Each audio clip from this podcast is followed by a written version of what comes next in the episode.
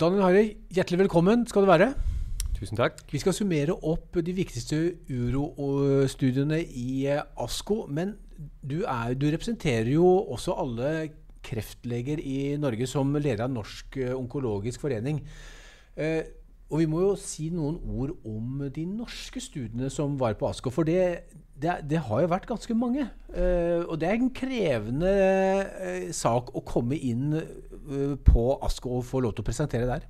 Nåløyet er ganske trangt, det stemmer. Eh, og særlig når man eh, da ser at norske studier eller resultater fra norske studier blir valgt for å bli presentert på såkalte muntlige presentasjonssesjoner, som, som skal være de viktigste resultatene på hele kongressen, så er det jo ekstra gøy å se. Og, og hvert år opplever vi eh, at det er noen som blir utvalgt, også fra Norge. Og det, det, var, det, det var, det, for så vidt i år òg. Eh, Bl.a. på mitt eh, spesialfelt uh, urologisk onkologi, hvor en en testikkelkreftstudie, en oppfølgingsstudie av pasienter som tidligere har fått behandling for testikkelkreft, ble lagt fram som en muntlig presentasjon. Og Den representerer kanskje den type studier som Norge og, og norsk onkologiforskningsmiljø er veldig gode på, nemlig såkalt populasjonsbasert forskning. Altså det, det, er ikke bare resultater fra noen få pasienter i en populasjon som, som, var egnet for å bli inkludert i en klinisk studie sponset av et legemiddelselskap. Dette er virkelig data fra alle pasienter som i et, i et gitt tidsrom ble, ble behandlet. Og, og det finnes det veldig gode muligheter for å forske på i Norge. Veldig mye dårligere muligheter i andre land.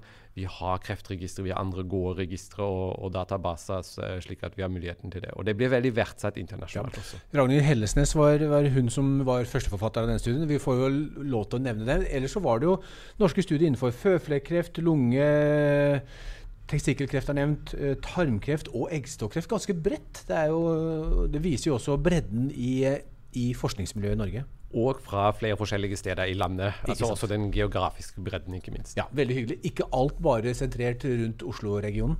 Det er veldig bra. Men vi skal, vi skal, eh, Daniel, vi skal snakke om de viktigste studiene som du så på, på ASKO. Eh, og hvilke studier har du valgt deg da? Ja, Innen uh, urologisk onkologi så har jo vi to også snakket om to studier allerede som var på hovedsesjonen, og, og, resultatene ble lagt frem da. De må vi jo nevne en gang til. Ja. Uh, og Da begynner vi med den såkalte Vision-studien, eller Vision-studien, som, uh, som, da er en studie som har gjort oss prostatakreftpasienter som hadde prøvd det meste av behandling som fantes. Eh, noen har i etterkant eh, av presentasjonen kritisert at ja, det var jo faktisk halvparten som ikke hadde fått all cellegift som, eh, som fins. Um, men i hvert fall ganske langtkomne mm. metastatiske pasienter som da fikk enten et nytt legemiddel, og det er en ny legemiddelgruppe også, med, med PSMA målrettet. Uh, radionuklidbehandling, altså radioaktiv behandling. Ja, Rett og slett en målsøkende stråleterapi. Vi kan jo anbefale de som vil vite mer om det legemiddelet, de kan se det intervjuet vi hadde eh, for noen dager siden, hvor du går grundig inn i akkurat den, den kliniske studien. Det var en veldig spennende, spennende studie. Da sier vi litt mer om, uh, om virkningsmekanismen. Uh, studien er jo derfor spennende fordi man, man, man ser at også dette legemiddelet forlenga livet til disse pasientene. Men også dette legemiddelet forlenger livet med noen få måneder i median, så det, det er ikke plutselig nøkkelen til kreftgåten, men det er eh, et tillegg til, eh, til vårt, uh, vårt arsenale av, av, mulige våpen vi har mot kreft. Og det, det, er en ny type, rett og slett. Og det er, det er, veldig godt å se at vi stadig får flere nye typer medikamenter også. Og, det er veldig bra. Eh, en annen studie er, som vi har også snakket om, nyrecellekreft. Mm. På nyrecellekreft ble det eh, presentert litt forskjellige eh, resultater. Det ene og, og, det som ble plukket ut for hovedsesjonen, eh, det var jo en såkalt adjuvantstudie. Altså helt i andre enden egentlig av behandlingskjeden eh, sammenlignet med den, den prostatakreftstudien. Så her er det pasienter som opereres tentativt i kurativt, altså med, med, formålet om å fjerne all kreft, uh, få en svulst i nyren. Uh, som man vet har en viss risiko for tilbakefall. og Så gir man dem en behandling etter operasjonen for å, for å hindre tilbakefall eller forsinke tilbakefall. Mm. Um, og Her har det kommet foreløpige, men positive data uh, på et medikament som heter pembrolizumab, som faller under den store gruppen uh, immunterapi hvor man ga ett år behandling med det, og sammenlignet det med en gruppe som da fikk uh, også noe behandling, uh, men da var det inneholdt uh, placebo. Mm. og etter to år så er det 9% færre som har fått tilbakefall når de fikk behandling med pembrolizumab. bra resultat fram til to år. det store spørsmålet er jo om dette står seg etter fem og ti år. Om man virkelig kurerer flere, eller om man bare forsinke tilbakefallet. Og, hvis det er tilfellet, så, så blir jo det neste spørsmål umiddelbart hvordan virker det behandling etterpå.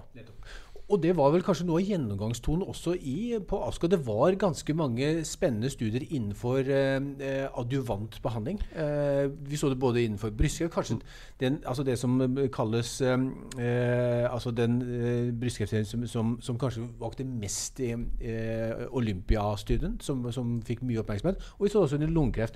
Og det er, som du sier, det er jo no, noen utfordringer med å få overlevelsesdata, eh, egentlig heldigvis, for, for, den, for pasienter som får adjuvant behandling behandling, for de skal leve lenge. Stemmer. Det, det er egentlig godt at det tar lang tid eh, å, å, få endelige resultater. For det betyr jo at det er ikke mange som dør relativt raskt av eh, sin kreftsykdom, uansett om, om, de får behandling eller placebo i en sånn adjuvantstudie. Um, er det en tendens, og det, det, er ganske naturlig også hvis man tenker seg de, de siste års uh, utvikling. Der har det kommet en ganske lang rekke med nye medikamenter, og de testes alltid først på de sykeste Uh, de med metastatisk sykdom, kanskje siste behandlingslinje. Og så flyttes det sakte, men sikkert framover i behandlingskøen. Og da har vi nok med flere medikamenter, sånn som immunterapi, men også en del målrettede medikamenter kommet til adjuvantbehandling. Uh, og nå får vi de første resultatene på det. Og det er lovende. På disse to studiene du har nevnt, altså Vision-studien og denne lung, den nyreselektivstudien som heter Keynote 564, vil du si at noen av de er praksis, potensielt praksisendrende?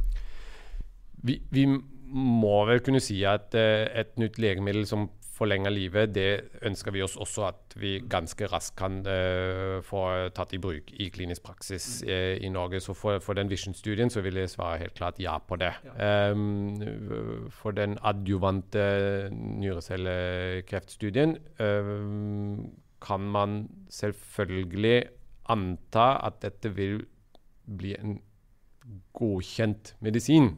Altså man, man, vil få en markedsføringstillatelse for indikasjonen.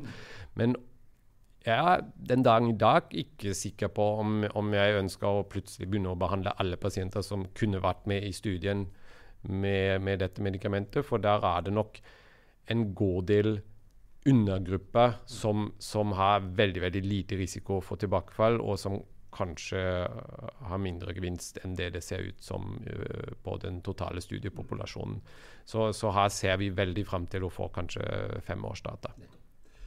Veldig spennende. Uh, dette var kanskje den siste ren heldigitale ASKO-konferansen. Vi får i hvert fall håpe at neste år så intervjuer vi deg i Chicago i USA.